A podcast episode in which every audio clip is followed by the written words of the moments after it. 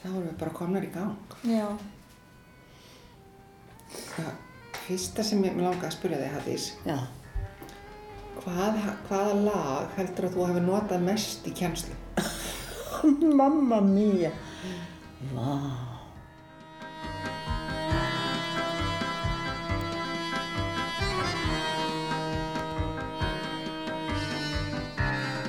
Siamo noi e dove andiamo noi a mezzanotte? Ég er komin í kaffi til Hafdísar Árnadóttur sem oft er kend við Kramhúsið, dans- og leiksmiðina hennar í miðbæ Reykjavíkur. Hafdís hefur kent dans- og leikfimi um langt skeið og er þekkt fyrir skemmtilegt tónlistarval. Lægið sem hér heyrðist í flutningi Pál og Konti er eitt af þeim lögum sem hafa glatt eiru nefnda Hafdísar í gegnum árin. En hvar byrjaði þetta allt saman? Ég kem frá Hjaltiri sem er pínulítið sildarþorp. Pappi var bóndi þar, svona smábóndi. Svo ég kem úr sild og heiskap og fór uh, á héraskólinni laugum þegar ég er bara sko, 14 eða eitthvað sliðis, er þar í þrjú ár. Og hvað var það dans og þess að þá var það ekkert til því það var náttúrulega engi skóli og jú, náttúrulega sveitaböll, það var eini dansin sem maður kynntist. Gömlu dansarnir og rock'n'roll og allt þetta.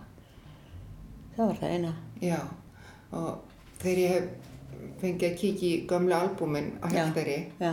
þá hefur það sérstaklega vakið aðdegli mín að hvað allir eru fínt klættir. Mm Það er svo mikil heimsborgara bráður. Það er mikill hleinsborgar bræður.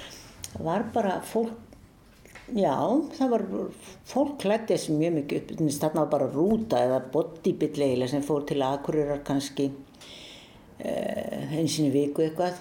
Og þegar konur voru að fara að kaupa bara, kaupa svona nöðsynir, þá voru bara þær búin að setja upp hatta og slör og háum hælum í drullunni sko, það voru ekki, það var náttúrulega bílvegur en það þetta ganga eh, svona svolítið moldarvegi innan rútu. Og þá voru þær bara í fínu, fínu skónum og voru í bomsum yfir.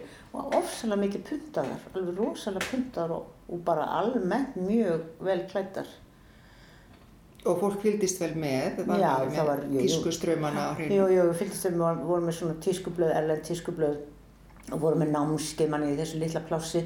Þá voru veturna, þá voru alltaf námskeið í sko, í sömarskap. Það var bara einhver sem að þær læriði að sníða og sauma og allir saumuðu allt sjálfur auðvitað. Margar hafðu verið erlendis eins og móður mín, hún hafði verið lengi erlendis, Kaupmannöfn og Hollandi og fylgst með tískunni og hennar fólk sem var flesta sunnan, frængur og systur og svona þetta var, þetta var svona tískudömund alltið. Kynntustu eitthvað list í þinni, þínum uppvexti? Var eitthvað áhuga því? Var Það bara var rosa mikið tónlist, tónlist áhuga og ég, að ég hef, það hefði verið til eitthvað sem hétt tónlistaskóli eða eitthvað sko, sem var bara til á Akureyri, sem var alltaf langt. Þá hefði maður, náttúrulega farið því ég ætla alltaf að verða eitthvað tónlista, ég ætla alltaf að læra píano og læra tónlist og, en það var náttúrulega ekkert í bóði. Jú, það voru auðvitað mikið af fólki, aðalega af svona gestum, sumargestum að sunnan, það voru uh, frænt fólk móður minnar sem var, er mjög listrænt og það voru það var fólk sem hafði lært bæði söng og hljóðfaraleik og mamma hafði mamma mín og sýstur hennar þær spiluðu sko piano í þöglumyndunum í versmanni svoleiðis að, að það var mikið talað um tónlist og það var mikið útvarpar útvarp var náttúrulega alveg nummer eitt sko mjög gott að ná í alls konar stöðvar á gömlu útvarpin mjög gott samband Svo var náttúrulega mikið tónlist bara, það voru harmonikuleikarar náttúrulega í sveitinni og það voru sveitaböll og maður fylgdist alveg með sko öllum, öllum svoleiðströmmum. En reyning og dans var ekki, það var ekkert í bóði. Eins og títt er um ungt fólk til sveita fór Hafdís ungað heimann. 14 ára gömul er hún komin á héraskólan á laugum og þaðan lág síðan leiðin út fyrir landsteinana þar sem nýr heimur opnaðist. Það fór bara náttúrulega heima 14 ára. Það bara það krakkar fóru bara heima 14 ára og vilja bara sjá um sig vera sjálfstæði í sínum skólum, héraskólum sem sveitaböld voru sendi í. Það var mjög mikið íþróttarleif en það var ekki líf en það var ekki dans. Það var mikið sund og það var mikið bolti og allar þessar vennilugu íþróttir og, og skólaböll og allt það. Og síðan fór ég út þarna til Sönneborg sem er, sem er líðhússkóli sem að vera á Jótlandi. Hvernig atvikaðist það?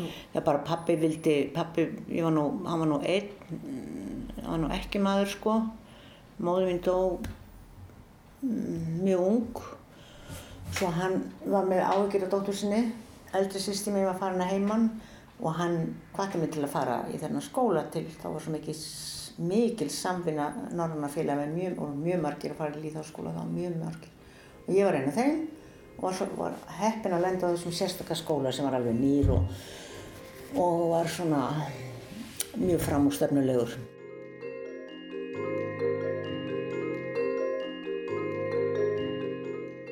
Það er mikil hreyfing og mikil dans og mjög mikil tónlist og mjög mikil tilröðnarstarfsemi í öllu sem var gert. Það voru engin skildufögt, það voru eiginlega bara frjálst val í allt mögulegt og allt mjög tengt listum og, og surrealisma eiginlega. Þannig að þetta hefur verið svona svolítið skapandi umhverfi? Mjög skapandi, já. Hann, þessi skólastjóri, hann, hann riði til sín alls konar skrítið fólk innan gæðsaleppa, tónlistamenn sem að spiluðu mjög framúrstefnilega tónlist fyrir okkur og eitthvað rúsneska myndhöggvara sem að var að vinna alltaf að núti í gardi og þetta var, þetta var allt mjög, en það var þetta umdeldu skóli sem hafði mikla peninga en var svo eiginlega bara bannaður því hann var svo langt, hann var svo framúrstefnilegur að hann þótti bara ekkert hollur fyrir ungt fólk sko. En það var rosa, það var mjög skapandi andrúsloft alveg einstaklega. Þetta var mjög sérstakt. Og áhrifa mikið því að svo þegar ég kom heim þá fór ég í Íþróttakennarskólan og það var eiginlega fyrst þar sem ég fór að kynna stansi sko, þá er ég orðin 18, 19 ára. Því að þar er kennari Mínerva Jónsdóttir hétt hún og hún var nýkominn frá Rúdór Laban, skólanum í Breitlandi og hafði mentað sér þar, alveg full mentaði Rúdór Laban kennari og ótrúlega hæf og fær og þar fer maður að kynast sko eitthvað sem heitir dans og þar var maður bara reyndar eitt vetur en ég var mjög mikið, ég var fyrir miklum áhrifum frá henni og henni þessari Rúdór Laban hugmyndafræði sko.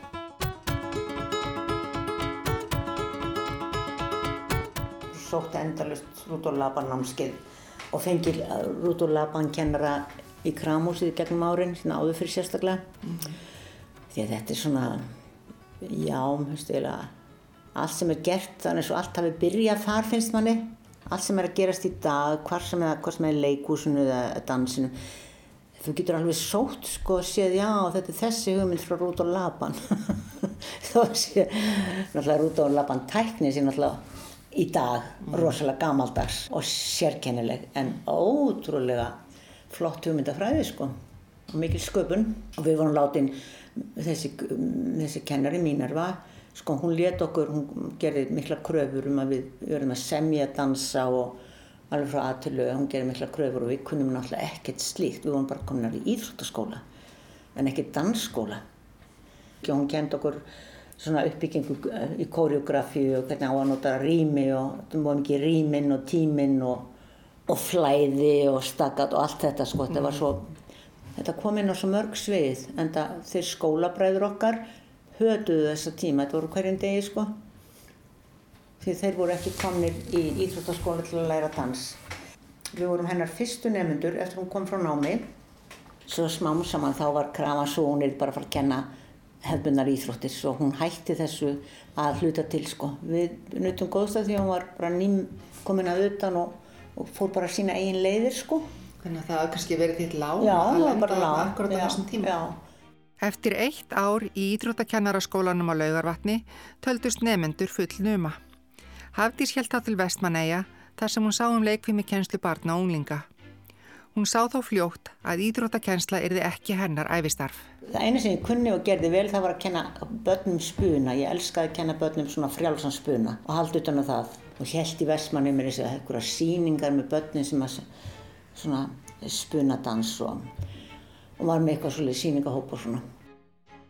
Frá Vestmanægjum fór Hafdís aftur upp á meginlandið og kendi í Íþróttaskóla Jóns Þorsteinssonar. Stoppið í Reykjavík var þá ekki langt. Aftur á leiðin til Danmörkur á vit nýra ævintýra og að þessu sinni setti Hafdís stefnuna á áframhaldandi nám í dansi og koreografíu.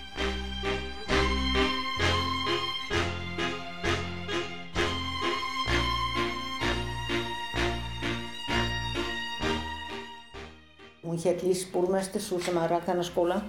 Og það var eiginlega mikið með, með svo kallega nútímadans, hún var bara alveg inn í nútímadansin og þar var ég eitt vetur og það var kent koreografía og þar voru við alveg 6-7 tíma á dag bara semja dansa og, og þjálfa grunn. Það var rosa sterkur og góður skóli og hafði mikil áhrif á mig. Og þar var ég bara alveg á réttum stað, loksins, sent og síður, komin á réttan stað.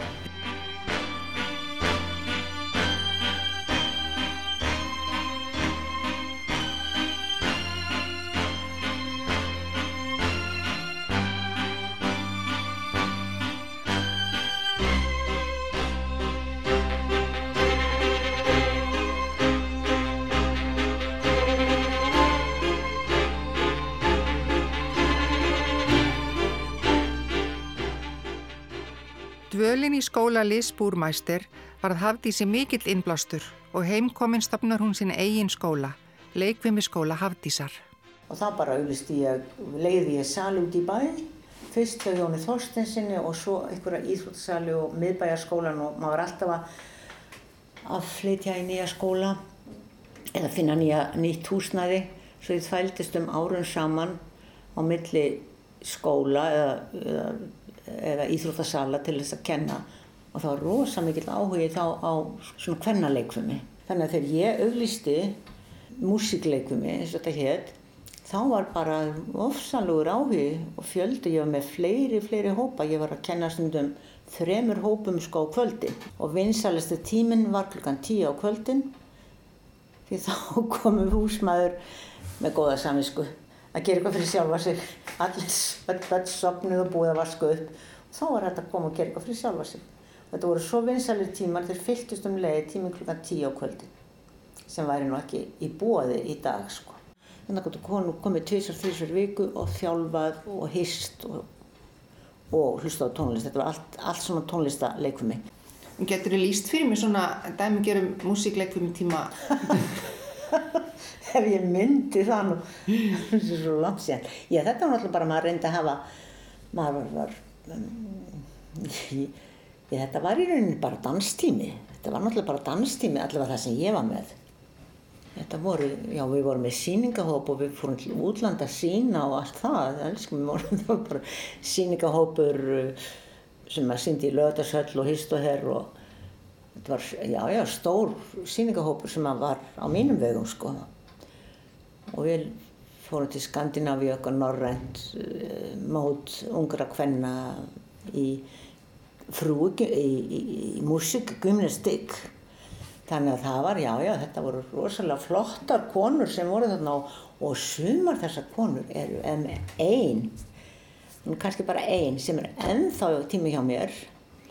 Hún var í þessu syngahóp og Hvað- hún er í kramsinu. Hvað er hún þú búin að vera lengi í leikum hjá þér? Hún er búin að vera frá því 60 og ég byrjaði 66 sennilega. 66, já, þetta heldur svo. já, Það eru þá 50 og já, 6 ár. já, getur passað. En þú sjálf, því nú lærið þú dans og koreografíu, langaði þig aldrei að fara á svið? Nei, veist það, það var svo, ekkert svona sérstaklega sko. Ég veit að oft en áður fyrir var ég með og svona, en svo með árunum þá, Nei, ef, ég hef ekki þessa, kvö, ég þarf ekkert að vera á sviði, en ég þarf að vera með, einhvern veginn að vasast í öllu, hafa skoðanir og áhrif og eitthvað svo leiðis. Ég er ekkert sko veik fyrir að vera á sviði.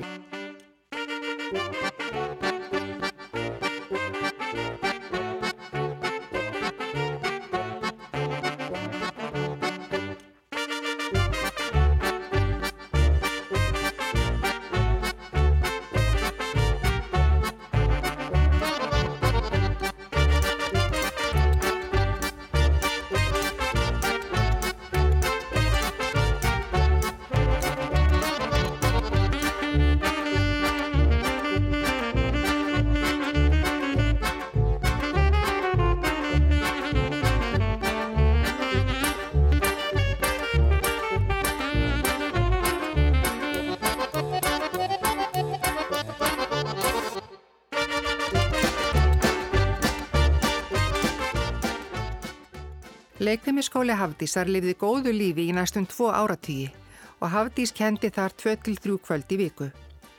Árið 1972 stopnuðu samtökin Sál eða Samtök áhuga fólks um leiklistarnám sjálfstæðan leiklistarskóla og var námskráin sniðina norrætni fyrirmynd. Þessi skóli varð undanfæri leiklistarskóla Íslands sem var stopnaður árið 1975. Hafdís var meðal þeirra kennara sem réðust til starfa hjá leiklistarskóla Sál. Já, já, og þau réðu sína kennara og ráku bara svona eftir vild. og hérna, og ég var eina þeim sem var ráðin þarna í Ítafi, úrska eftir minni, minni kennslu og ég tók að mér að kenna sálurunum og í framhald af því þá var ég ráðin inn í inn í, lista, inn í leiklistaskólan þegar hann var stopnaður í framhald af þessu en ég var semst ráðinn þarna áfram og bara kendi alveg alla mína alveg ég var 67 ára eða svo þegar maður bara hættir, hættir að vinna hjá ríkinu. Þannig ég var fastu kennari og sá um líkamsþjálfun fyrir leikara allir þessi ár. En ég var svo heppin að vera þarna ekki síst vegna þess að við höfum svo mikið samstarf við við aðra skóla, við, það var svo mikið samstað millir skóla í Norðurlandunum og það var mjög mikið um, um gestakennara í gegnum það samstarf sem kom bæði frá Malmu og frá Finnlandi og það var mjög mikið samstarf og mjög mikið námskiðshalds. Kennarar voru, við vorum ofta að fara fjórir, fimm, sex kennarar á námskið og sumurinn hjá mjög merkum kennurum í einhverjum af þessum skólum og ráðstefnur og þetta var rosalega flott samstarf og þar fekk maður náttúrulega endalusar nýjar hugmyndir sko. Fyrir utan það að ég var mjög duglega að segja svona námskeið í dansi til bæði Danmerkur og Englands. Mikið til Englands til að fara á Rúdolf Laban námskeið en kannski aðeins til Danmerkur þar sem var svona eh, fjöllistarnámskeið það voru alls konar dansstílar, þetta voru kannski vikunámskeið unnið allan daginn og þar kynntist ég sko gestakennurum eða kennurum sem komur síðan fyrstu kennara til Kramhúsins þegar, þegar Kramhúsi voru opnað þá ég, var ég búin að vera í sambandi við kennar frá Bandaríkanum frá Englandi aðalega Bandaríkinu og Englandi sem að fóra að koma svo inn í Kramhúsi í gegnum þessi námskis þennan námskis áhuga minn sem var alveg óstöðat ég var alltaf að fara á námski. Svo stopnar þú kramhúsið og hvernig dættir það í hug? Ég var alltaf búin að leita lengi á húsnæði sem var hugsanlega hægt að nota eða leia svo ég þyrtti ekki að flækjast svona á milli íþrótasala fyrir utan það að það er mjög erfitt að kenna dans í íþrótahúsum. Það er eiginlega alveg vonlust sko. Það er allt sem trublar, það eru rendurnar í gólfinu, það eru rimlarnir, það er háfaðinn, bergmálið. Það er, það er eiginlega ekki hægt að vinna svona vinnu í slíku rými.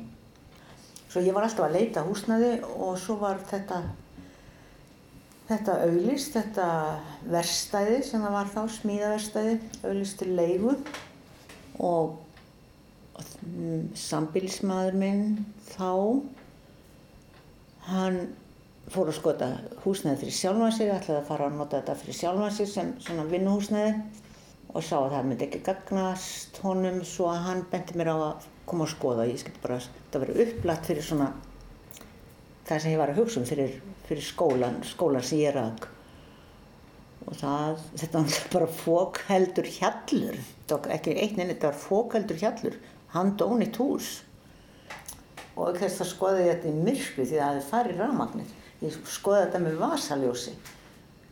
Þetta var svolítið spennandi staður sko og þegar ég hafði samband við hrapp daginn eftir og sérst vil ég sjá þetta sko í dagspyrtu þá sem það bara ég er að fara til útlanda í kvöld kemur aftur þetta er hálfa mánu þá getur vel verið ég verið búin að skipta um skoðun þú eru að skrifa undir núna eða bara trúlega verður þetta ekkert selt og hann bara ég tók bara þessa, þessa áhættu sem er alltaf fáránlegt.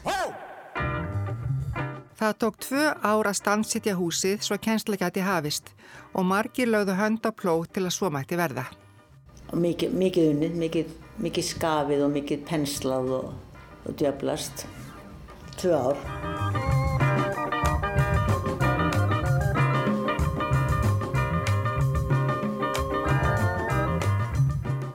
En allavega, kramhúsi kemur kannski til að því að, að hérna, uh, þetta var svona eins og krambúð sko, danska orðið krambúð, fyrst ætlum við að láta það heita krambúð því það ægðu öllu saman, sko smá drasli og alveg upp í selskinn og sumúldin, því þetta var sko leik, leikmyndastúdjó fyrir Hrafnin flýgur og þarna voru æfðar senur inni og, og búin til leikmyndu og það ægðu öllu saman þarna.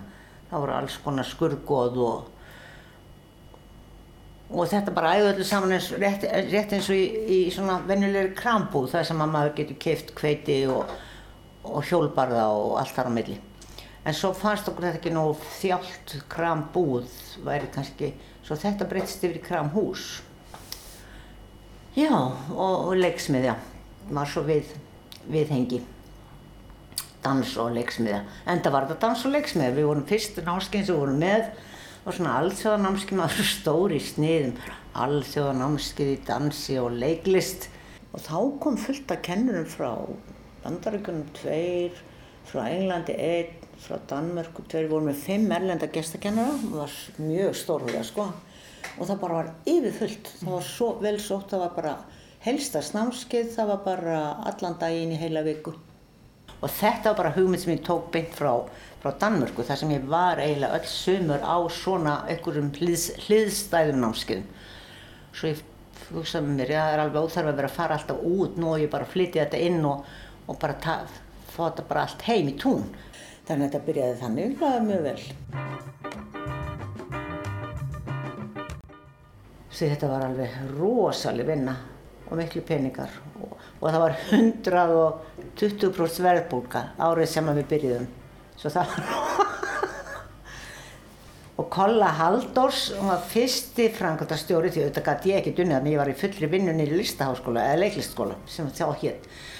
Kolla Halldórs kom inn fyrsta árið og þegar kom, kemur jólið, þetta er opnað að hausti, 84 og um jólið segir Kolbrún, hér fer enginn í jólafrí, hér, hér er ekkert maður fallnir vikslar og það verður sko settur upp markaður hérna til að ná sér í peninga.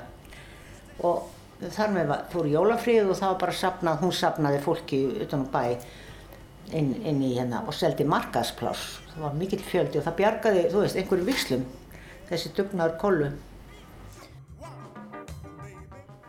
En húsi var strax mjög vinsalt.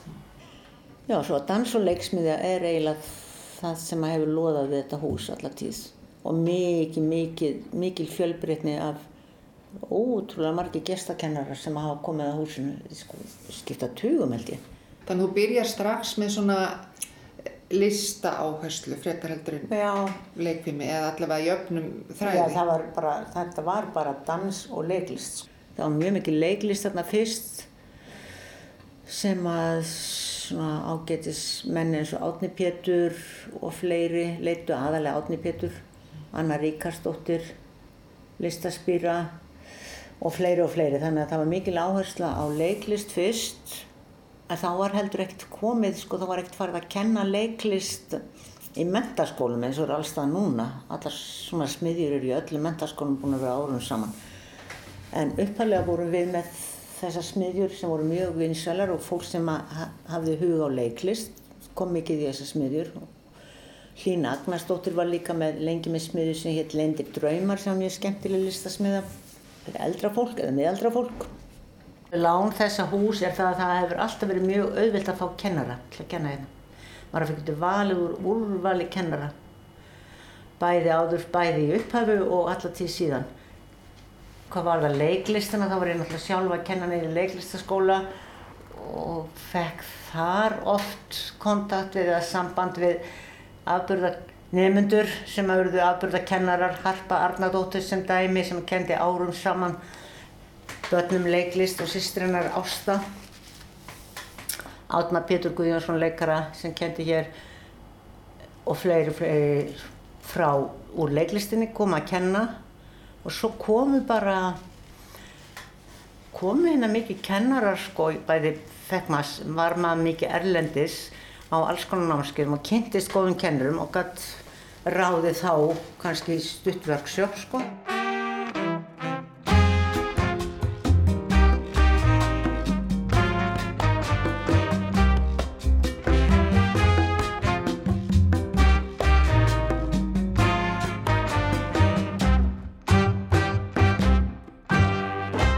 Dans er náttúrulega, þetta er svo mikið fyrir öll skilningavitt, finnst mér.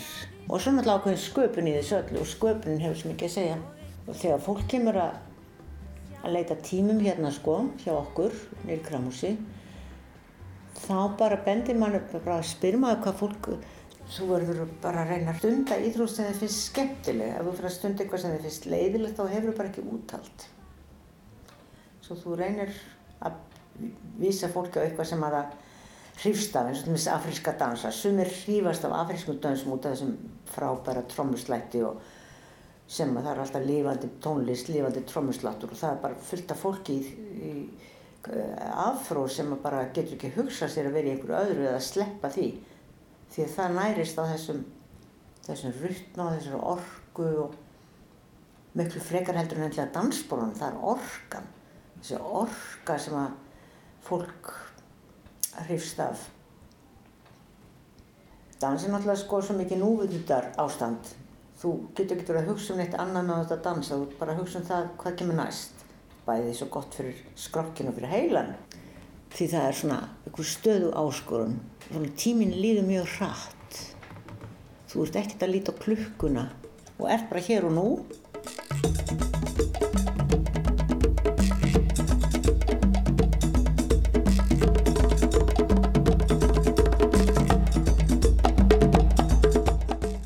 Fyrsti afrókennarin bjó á Íslandi, giftur hér, Abdullah hétan, Ab, já, Abdul. Hann var giftur hér og hann var frá Margó og kom hingað og sagði ég er, ég er afródanskennari, ég koma að kenna og allt til að hann kom að kenna og það var bara æðislegt. Var hér eitt, eitt, tvö ár. Þá fengum við ábendingu um að það væru í Belgíu, væru fjórir tónlistamenn og dansarar frá Senegal sem byggju þar og kendu og væru frábærar og ég ætti auðvitað að fá þá til Íslands til að kenna. Og við gerðum það, fengum þá hérna í samstarfi við stuðmenn það var svo dýrt að fá fjóra menn frá bara, það var allt og dýrt fyrir okkur. Svo við höfum samband við stuðmenn, ég veit ekki af hverju hvort að þeir vildi vera með okkur og þetta var rétt fyrir vestunmannahelgi og þeir sagði já, við skulum bara vera með okkur í þessu og við notum það bara í hérna okkar prógrami sem var Östur og Seðisfyrðið ykkur starf, komaður og tromma með okkur þar. En allavega þeir voru hérna í viku kend á hverju, hverju kvöldi tvo, þrjá tími senn alveg yfir fullt hús. Svo þetta borgaði sig alltaf því að fólk kom og kifti þessi námskeið. Og ein mannskja er hér ennþá sem byrjaði að dansa með þessum þessum mönnum fyrir 40 árum, næstu því. Og hún er hér enn að dansa afríska dansa og dansar þrísvar í viku. Solveig nokkur Haugstóttir, mikil dansari, elsti dansari í afrískum dansum, mætir alltaf.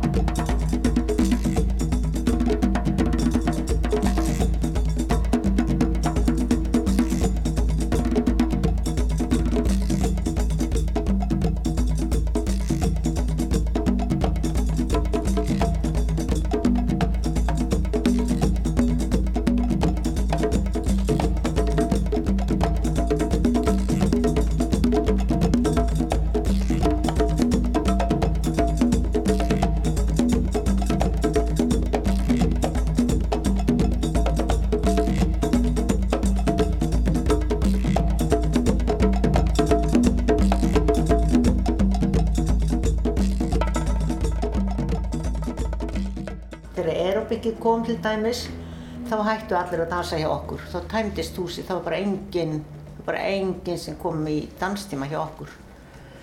Og í eitt eða tvö ár þá var enginn sem kom í dans vegna þess að það voru allir í aerobik. Það var tískan. Og af því ég er nú svo þrjósk og það var alltaf verið að benda mér á að ég skildi bara reyna að drífa inn hinga tækið því að aerobik væri málið eða ég er að loka. Og maður gæti maður ekki hugsað sér að fylla húsið af aerobic-tækjum en svo kom fólk aftur sko, svo gekk það sem gang einhver ár, það tók einhver ár, kom fólk aftur að dansa.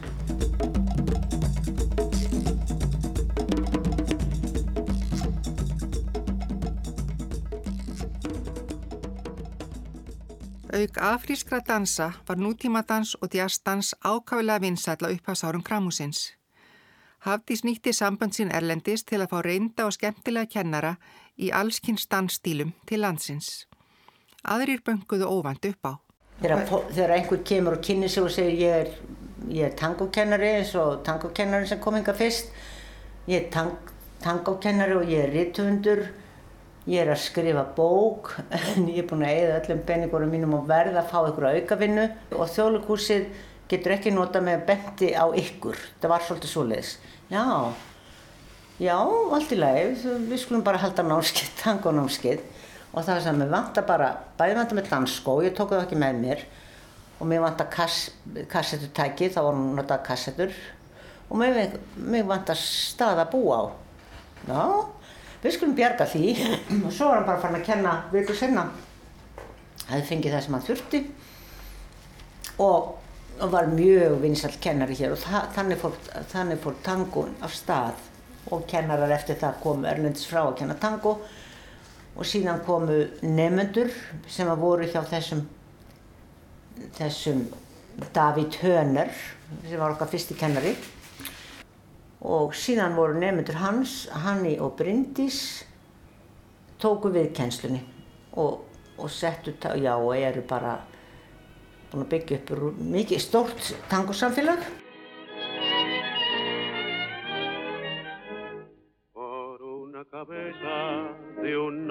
potrillo que justo en la raya afloja al llegar. Y que al regresar parece decir no olvides hermano, vos sabes no hay que jugar. Stundu veit ekki hvernig þetta veldur allt saman inn.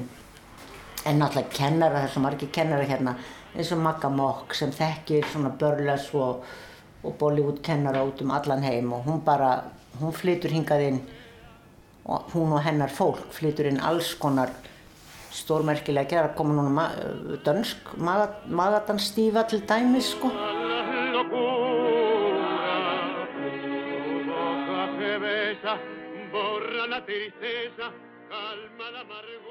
Strax á upphásárum kramhúsins réðust þar til starfa ungir og aðdorkumikli kennarar sem kendu skapandi dans, tónlist og leiklist fyrir börn frá 30 ára aldri. Einn þessara kennara var Elva Líle Gísladóttir. Svo kom árið 2000 þegar Reykjavík var listaborg Evrópu. Þá sátum við hér við þetta borð, eldursborðið, ég og Elva og sem hvað er við að gera? Þetta er svo merkilegt, ef við ekki gerum eitthvað með börnunum? Jú. Og annur korrakar sagði, ef við ekki bara setjum danssýning með 2000 leikskólabörnum? Jú við skulum bara gera það. Síðan var bara að staða að kynna þá hugmynd og hún, hún sagt, var, var svo framkvæmd á einum ári í samstarfi við leikskóla 6 ára börn og leikskóla Reykjavíkur. Þetta voru 2000 börn, rétt rúmlega, þetta var stórkostli síning og, þau, og kynning á, á, á starfi leikskóla barna, 6 ára leikskóla barna, þetta var ársvinna. Þetta samstagsverkefni Kramhúsins og leikskólana í Reykjavík var það eins ás listasmiðjum þar sem eldstu deildir leikskólana rannsökuðu loft, eld, jörð og vatn. Fimm listgreina kennarar úr Kramhúsinu leitu verkefnið sem hér 2000 börn í Reykjavík 2000 og lauk með síningum á myndlist barnana og sameinlegum söng og dansi 2000 barna á Arnarhóli.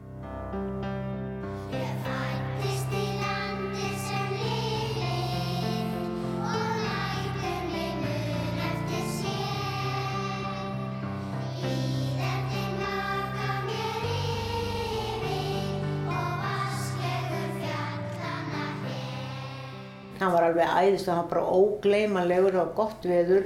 2000 kríli komu í gulum og, og rauðum og grænum búningum. Og það voru svo fallið á Arnarhól og hérna og dönsuðu við sérsamið tónverk og með fóröldurum sínum. Þetta var alveg við þetta er bara alveg ógleymanlegt. Þetta er eitthvað svona hápunktur svona einna hápunktum í starfinu, þá var þessi síning. Og stundum heiti maður fólk sem var í eitt af þessum sex ára börnum sem segir oh, ég man alltaf eftir því vorum að dansa á Arnarhól. Þá var ég bara sex ára. 2000 sko. Nú eru þessi krakkar, nú er þetta fólk að koma með sín börn í krámsitt, við erum alltaf með eitthvað barnastarf og þessi líkingu við það sem það var.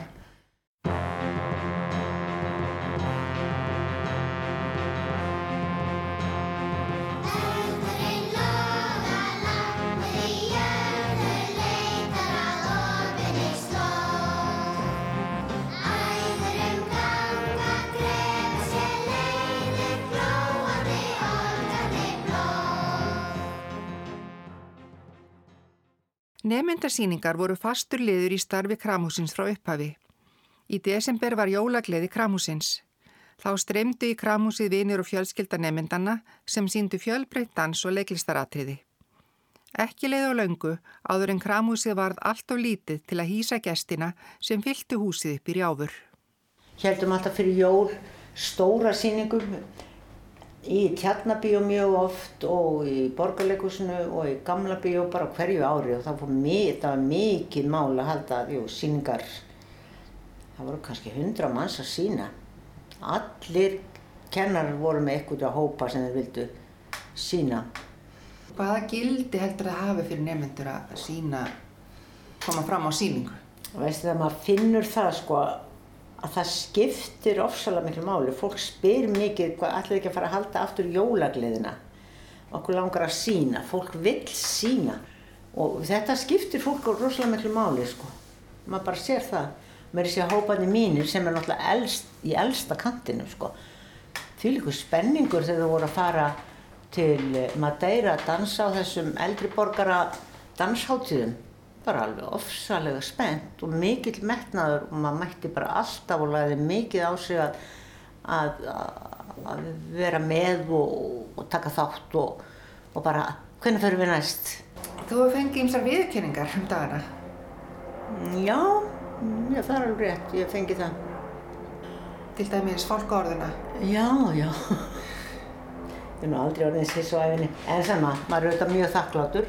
Þakkláttur fyrir það að að það, maður finnur það, já, maður er kannski verið að gera eitthvað sem skiptir máli fyrir einhverja, mm. sem ég held að sé alveg rétt. Það skiptir miklu máli fyrir alla það hópa sem eru hér að vera hér. Þeir sækja í þetta hús, bæði fyrir sál og líkoma, ekki síst fyrir sálinu. Þetta er þungleitislif, dans og hreyfing, eins og allir vita, náttúrulega. Hvort sem það er að ganga út í náttúrunni, synda, hlaupa, dansa svo þetta skiptir máli fyrir alla mm -hmm. sem að það stunda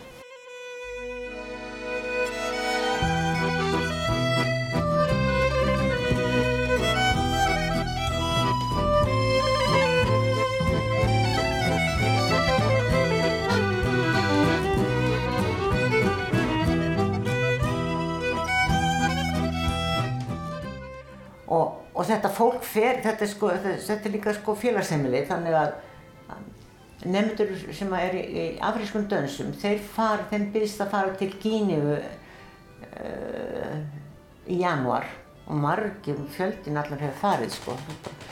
Þau sem eru í magadans, þeir hefa farið í svona sérstaklega magadansferðið á workshop eða síningar úti og eldri borgara, hópurinn minn til dæmis, mínir hópar hafa farið núna í svona eldri borgara dansveislu úti tvísasinnum svolítið að fólk er mjög mikið að já, þetta er svo þetta er, svo, þetta er, alveg, þetta er félagsmiðstur náttúrulega líka.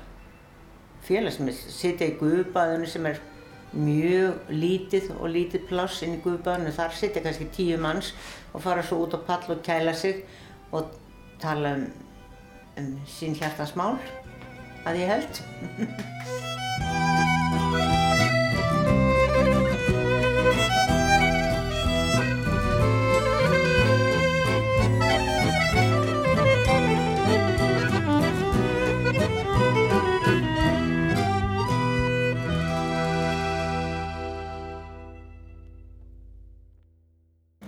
tónlistin sé jafnvel svolítið líkilatriði. Tónlistin er mjög hvetjandi sko. Þú ert mjög svona fundvís á fjölbreytta tónlist. Já, ég er svona aðlæta tónlist. Hvar, hvar nærðu í þetta allt saman? það er svona eins og annað, eins og kennarar sem dett inn í húsi, það dettur inn svona eitt og annað. Bara ég hef bara stúderað náttúrulega tónlist alveg frá því mann eftir mér alveg og sérstaklega þessi ár sem að ég hef rekið þessa skóla, bæði minn einn leikmjöskóla og kramúsi, þá hefur maður stöðut verið að stúdira tónlist. Og alltaf þegar maður er ellendist þá maður bara hangi maður inn í tónlistaverslunum og reynir að finna ykkur góð tónlist. Og talandum svona, talandum tónlist sko, þá fengum við hérna einu svoni búin að vista social club í heimsók og það var til dæmis út af því að ég hafi verið í ellendis, verið í tónlistaverslun í London og var að spurja ertu með einhverja góða svona rytmiska suðræna tónlist? Og já, og það er hérna ný grúpa sem að heitir Social, búin að vista Social Club. Svo ég kætti spólu og spilaði og spilaði og spilaði, mikla vinsaldir. Einhverjum árum setna, tveim árum setna þessu, þá komaði til Íslands. Og þessi hópur sem hafði nú hlustað svo mikið í leikuminni á búin að vista Social Club, segir, við viljum endlega bjóða þeim í brönns. það var úr og við töluðum við umbásmannin og sagði að Kramúsi vildi gæna bjóða þessum hljónsveit í brönns. Og hann sagði þetta er svo gamalt fólk það hefur ekki orka að fara það, þau fara til fórsetans og allir látið sér ekki næja það og þessu eru allir að reyna að bjóða þeim eitthvað út í brönns á þessum degi. Og um, það endaði því að, að það, þau fengur bóðum sko, tilgengum það að þessi og þessi fyrirtæki var að bjóða þeim í brönns, gamla fólkinu sko. Og meðalans þetta kramur sem að væri svona frekar niður nýtt og úr sér gengið, altså væri engin, engin, engin svona dýrðarstaður, þetta væri svona frekar uh, úr sér gengið hús en góðu dansskóli og, og þarna væri mikið spilið þeirra tónlist og, og svo völdu þeir og þeir völdu semst kramur sig að þeir vildu koma þánga frekar sem var alveg æðislegt ¿Qué te importa que te ame si tú no me quieres ya? El amor que ya pasado no se debe recordar. Fui la ilusión de tu vida, un día lejano ya. Hoy represento el pasado, no me puedo conformar. Og þeir komu með rommið og við með matinn. Og þetta var rosalega gaman og við vorum bara fólk var lengi að ná sér eftir þetta. Þetta var svo stórkost að vera með þessum tónlistamenn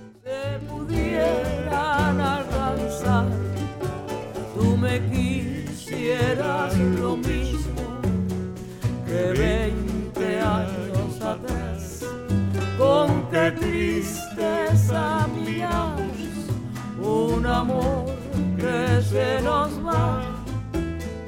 Es un pedazo del alma que se arranca sin piedad. Já og tónlistin hún kemur alls staðar að og ég er enn alveg endalöst að grafa í tónlist og hlusta eftir tónlist. Og svo er það líka sko tónlist sem hendar fyrir dans. Það getur verið alls konar tónlist sem að bara dásand að hlusta á en eitthvað sem kveikir í sko dans uh, batterínu.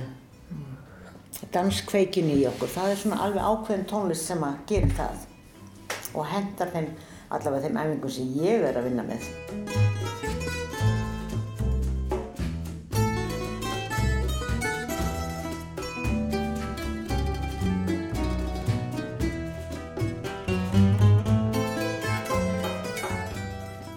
Er alltaf mikið kvikmyndatónlist sem ég nota mikið af því hún er bæðið svo oft svo vönduð og svo, og svo ljóðræn. Og hérna er uh, upp á allra uh, hérna, Kim Larsen sem við spilum oft bara komast í gott skap sko. Og, og hinum einn er það hérna Cornelius Vesvik sem allir elska. Þetta er náttúrulega mikið fólki sem ég kenni er náttúrulega fólk sem að þekkir þessa söngva vel. Svo er hérna alltaf dálítið salsa í vað, auðvitað. Salsa samba. Þetta er kvik, þetta er þessa nota ég mikið. Þetta er úr hérna kokkurinn, þjófurinn og and, hvað stendur hérna, ég sé það ekki. His wife and her lover. Já, The Cook Thief, já. Þetta er æðislega blata. Og þetta er náttúrulega kvikmynd sem kom út fyrir 30 árum eða ég veit ekki hvað. Spila hann mikið. Þetta eru kvikmynd Almand og Varen. Öll lög í hans kvikmyndum eru dásanleg.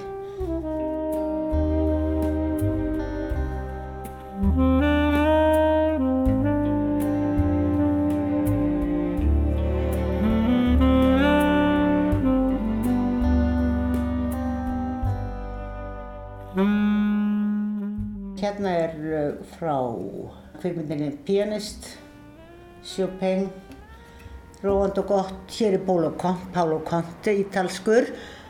Það kom svona einhverja nokkra ára perjóta þar sem hann var mikið spilaður og er eitthvað spilaður en þá ekki eins mikið og það tengist tango uh, kennara sem kom frá Sviss og fór að kenna hérna fyrstur allra tango hann spilaði mikið Pálo Conte og kynnti hann fyrir okkur.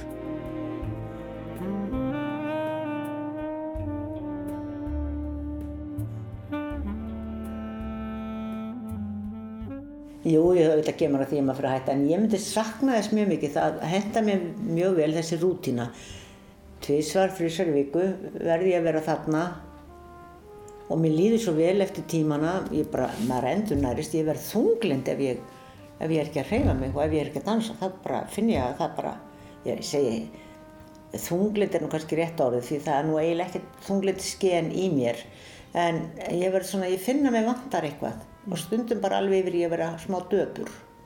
Og það er bara það sama og nefnendur mínir segja og, og bara ekkert mínir nefnendur, þetta er bara fólk sem er í dansi allavega í þessu húsi að þeir geta ekki hægt vegna þess að þeim líður andlega svo illa þannig að þetta er kannski miklu frekar andlegt sport heldur en líkanlegt eða allavega 50-50 Já, þannig að dansin er svona gleðipilla.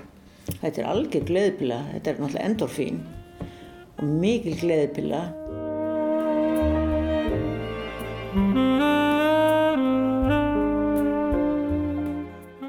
Sko ég á minnstakosti þúsund eða. Sko ég veit ekki helmingin, en svo fer ég í gegnum þetta stundum að segja, já, þú glemma þess.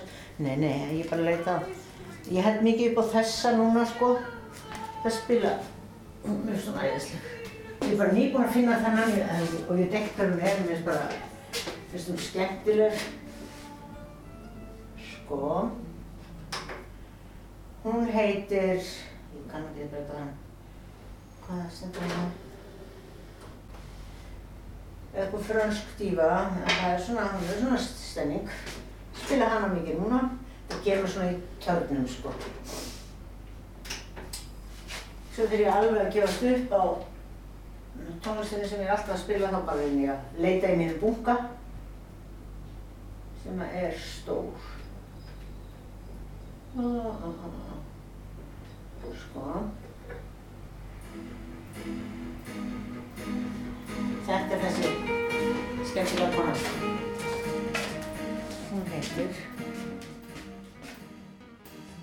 hommes qui passent, maman, m'envoient toujours des cartes postales des Bahamas, maman. Les hommes qui passent tout le temps sont musiciens, artistes, peintres, comédiens,